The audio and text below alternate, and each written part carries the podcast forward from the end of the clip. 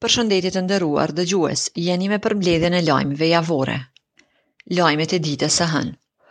Ushtruesja e detyrës së presidentes Vjosa Osmani do të takojë partitë e komuniteteve në lidhje me dyshimet e ngritura për ndërhyrjen e Beogradit në procesin zgjedhor. Këtë çështje Osmani ka thënë se e ka ngritur edhe me ndërkombëtarët, ku më pas pritet të thërrasë edhe Këshillin Konsultativ. Në lidhje me këtë ka reaguar edhe KMDLNJ dhe shoqëria civile të cilët thonë se krimi elektoral duhet të hetohet.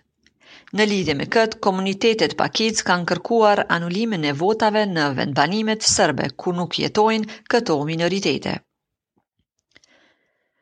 Komisioni Qendror i Zgjedhjeve ka marrë vendim për rinumërimin e rreth 500 vendvotimeve. Një vendim i tillë u mor pas mospërputhjeve të të dhënave ndërmjet kandidatëve për deputet dhe subjektit politik.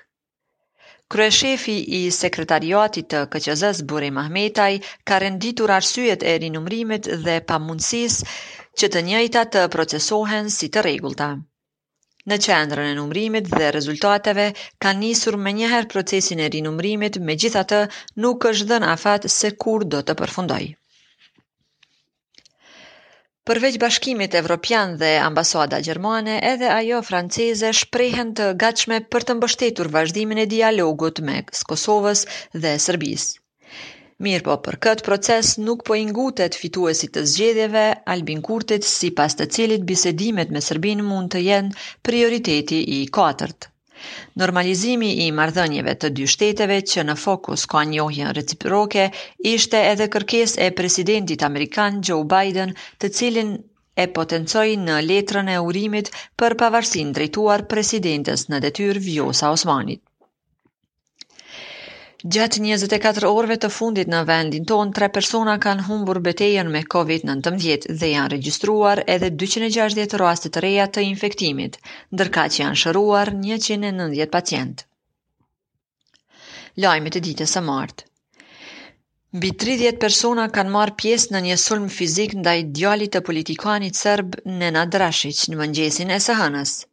Rashiq ka treguar se djali i tij Nikolla ka lëndime të rënda trupore, derisa fajtor për këtë ngjarje ka bërë Listën Serbe, politikanët e së cilës me deklaratat e tyre politike sipas tij janë motivuar për kryerjen e këtij sulmi.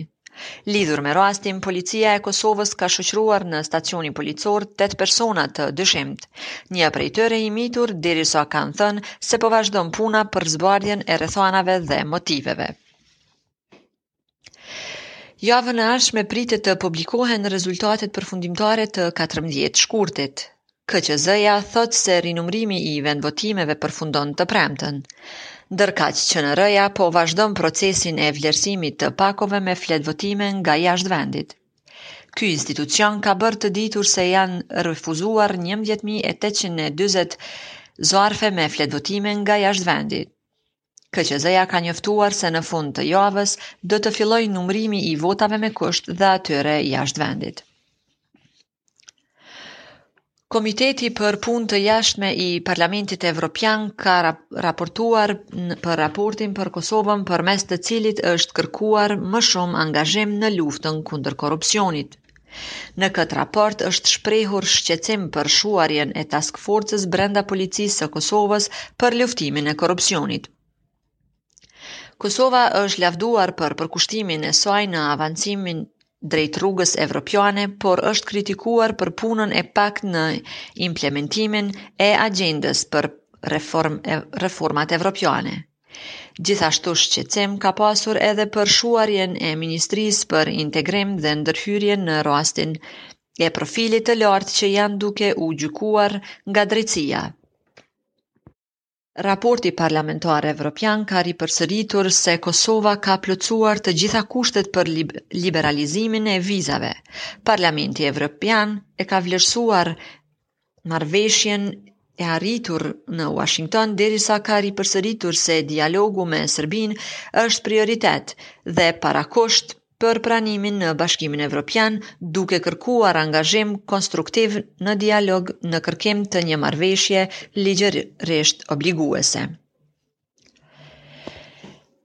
Fituesi i zgjedhjeve Albin Kurti ka akuzuar bordin e Agjencisë Kosovare të Privatizimit se po keqpërdor vakumin institucional për të filluar valë të reja të shitjes. Mirëpo, kjo është kundërshtuar nga bordi i AKP-së, sipas të cilit ndërprerja e valëve të shitjes është bërë nga data 19 shkurt. Partia fituese e zgjedhjeve Lëvizja Vetëvendosje në programin e saj qeverisës synon që ta shuajë Agjencinë Kosovare të Privatizimit. Brenda 24 orëve të fundit në vendin tonë janë regjistruar 368 raste të reja të infektimit me COVID-19, derisa janë konfirmuar 4 raste të vdekjes me këtë virus, ndërkaq janë shëruar 221 pacientë. Lajmet e ditës së mërkurë.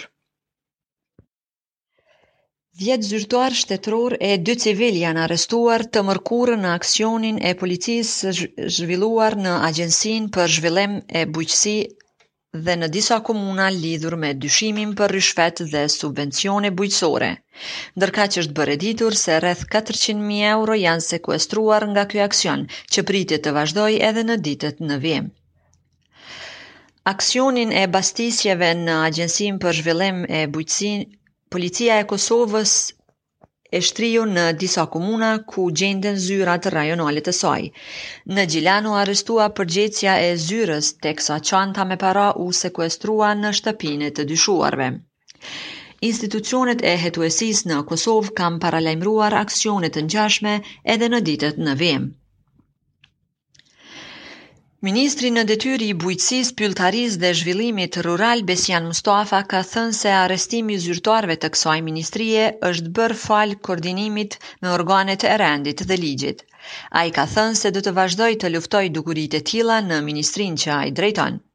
Nga ana tjetër, shoqëria civile ka treguar për fushat në të cilat më së shumti bëhen keqpërdorime të mjeteve, sipas të cilëve janë tek shpërndarja e granteve dhe subvencioneve. Mbetet ende e paqartë se kur vendi ynë do të furnizohet me vaksinat kundër COVID-19.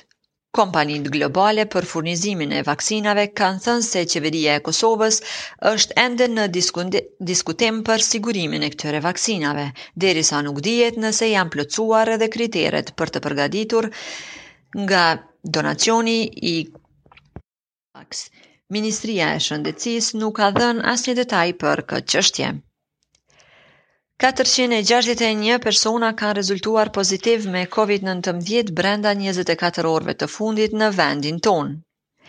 Gjatë kësaj periudhe, tre persona kanë humb jetën me këtë virus, derisa janë shëruar 319 pacientë. Lajmet e ditës së Lëndime të rënda trupore ka pësuar gazetari Visar Duriqi, i cili është sulmuar mbrëm nga tre persona, teksa po kthehej në banesën e tij. Për rastin policia dhe prokuroria ka njoftuar se i ka nisur hetimet, derisa ky sulm ndaj gazetarit Duriqi është cilësuar si sulm ndaj luftës së lirisë së fjalës dhe vlerave demokratike.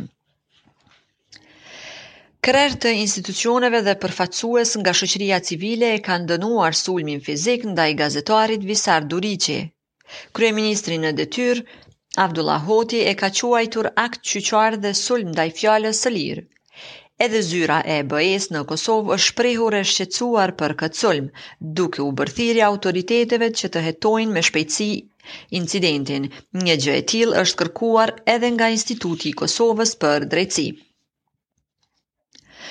Prokuroria Themelore në Prishtinë ka kërkuar masën e paraburgimit ndaj 11 të dyshuarve për rastin me subvencione derisa njëri prej të arrestuarve është liruar me procedurë të rregullt. Gjatë së enjtes policia ka arrestuar edhe nëntë persona të tjerë, njohësit e sistemit të drejtësisë e kanë vlerësuar si një aksion i cili nuk duhet të mbetet si një spektakël medial, por i cili kërkon politikë të ashpër ndëshkimore.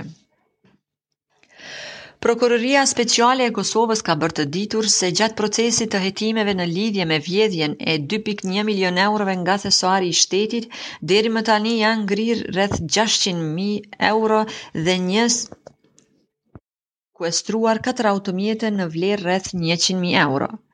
Prokuroria ka njoftuar se janë intervistuar bartësit e llogarive në të cilat janë transferuar të hollat, është bërë intervistimi i dëshmitarëve, analizimi i dokumentacionit dhe identifikimi i pronave.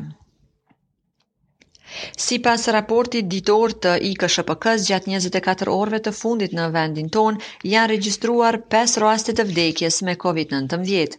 ndërkaq edhe katërqind e tridhjetë e shtatë persona kanë rezultuar pozitiv me këtë virus, derisa janë shëruar dyqind e pesëdhjetë e pesë pacientë. Lajmet e ditës së premte. Gjykata themelore në Prishtinë ka caktuar masën e paraburgimit të nëntë të dyshuarve për marrje-dhënie ryshfeti dhe keqpërdorim të autoritetit zyrtar, dhënie të ndihmës për kryerjen e veprave penale. Derisa dy të tjerëve Gjykata u ka caktuar masën e arrestit shtëpiak. Përveç 11 të arrestuarve nga aksioni i së mërkurës, në rastin Subvencionet 2021, të enjten ishin arrestuar edhe 9 persona të tjerë, të cilët janë liruar në procedurë të rregullt. Vjosa Osmani mund të mos zgjidhet presidente e Kosovës nëse Vetëvendosje nuk i ka numrat dhe as përkrahjen e opozitës.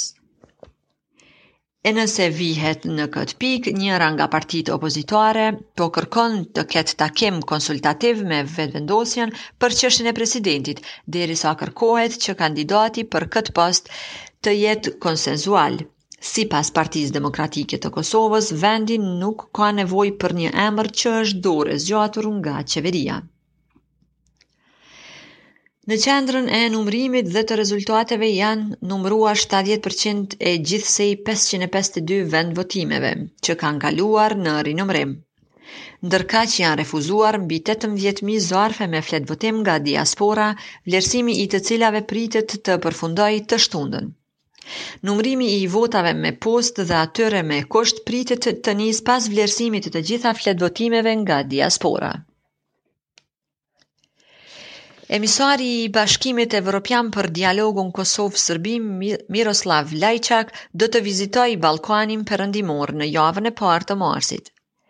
Lajçak do të qëndrojë në Prishtinë 3 ditë, Vizitën në Kosovë, Lajçak do ta nisë më 1 mars e më pas ai do të vizitojë Serbinë më 3 dhe 4 mars dhe gjithashtu do të vizitojë Malin e Zi pjesën e mandatit të tij rajonal më 4 dhe 5 mars.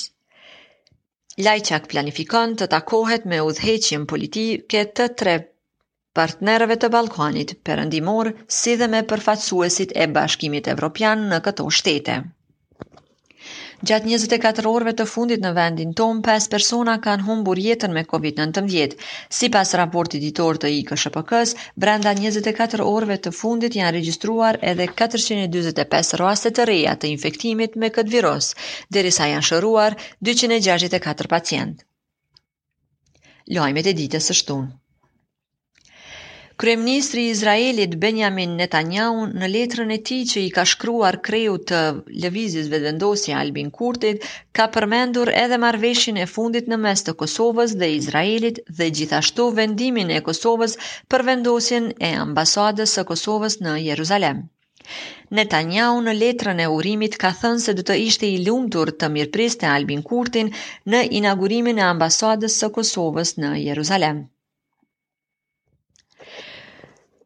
Pritet të përfundojë procesi i rinumërimit të 552 vendvotimeve, derisa të dielën do të fillojë numërimi i votave me kusht dhe votave të personave me nevoja të veçanta.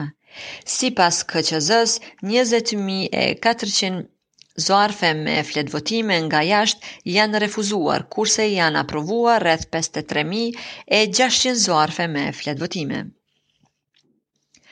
Lëvizja Vetëvendosje fituese e zgjedhjeve të 14 shkurtit nuk pret të ketë probleme me zgjedhjen e Vjosa Osmanit presidente të vendit. Nga partia e Albin Kurtit janë të bindur se subjektet e tjera parlamentare nuk do të bëhen pengesë për formimin e institucioneve.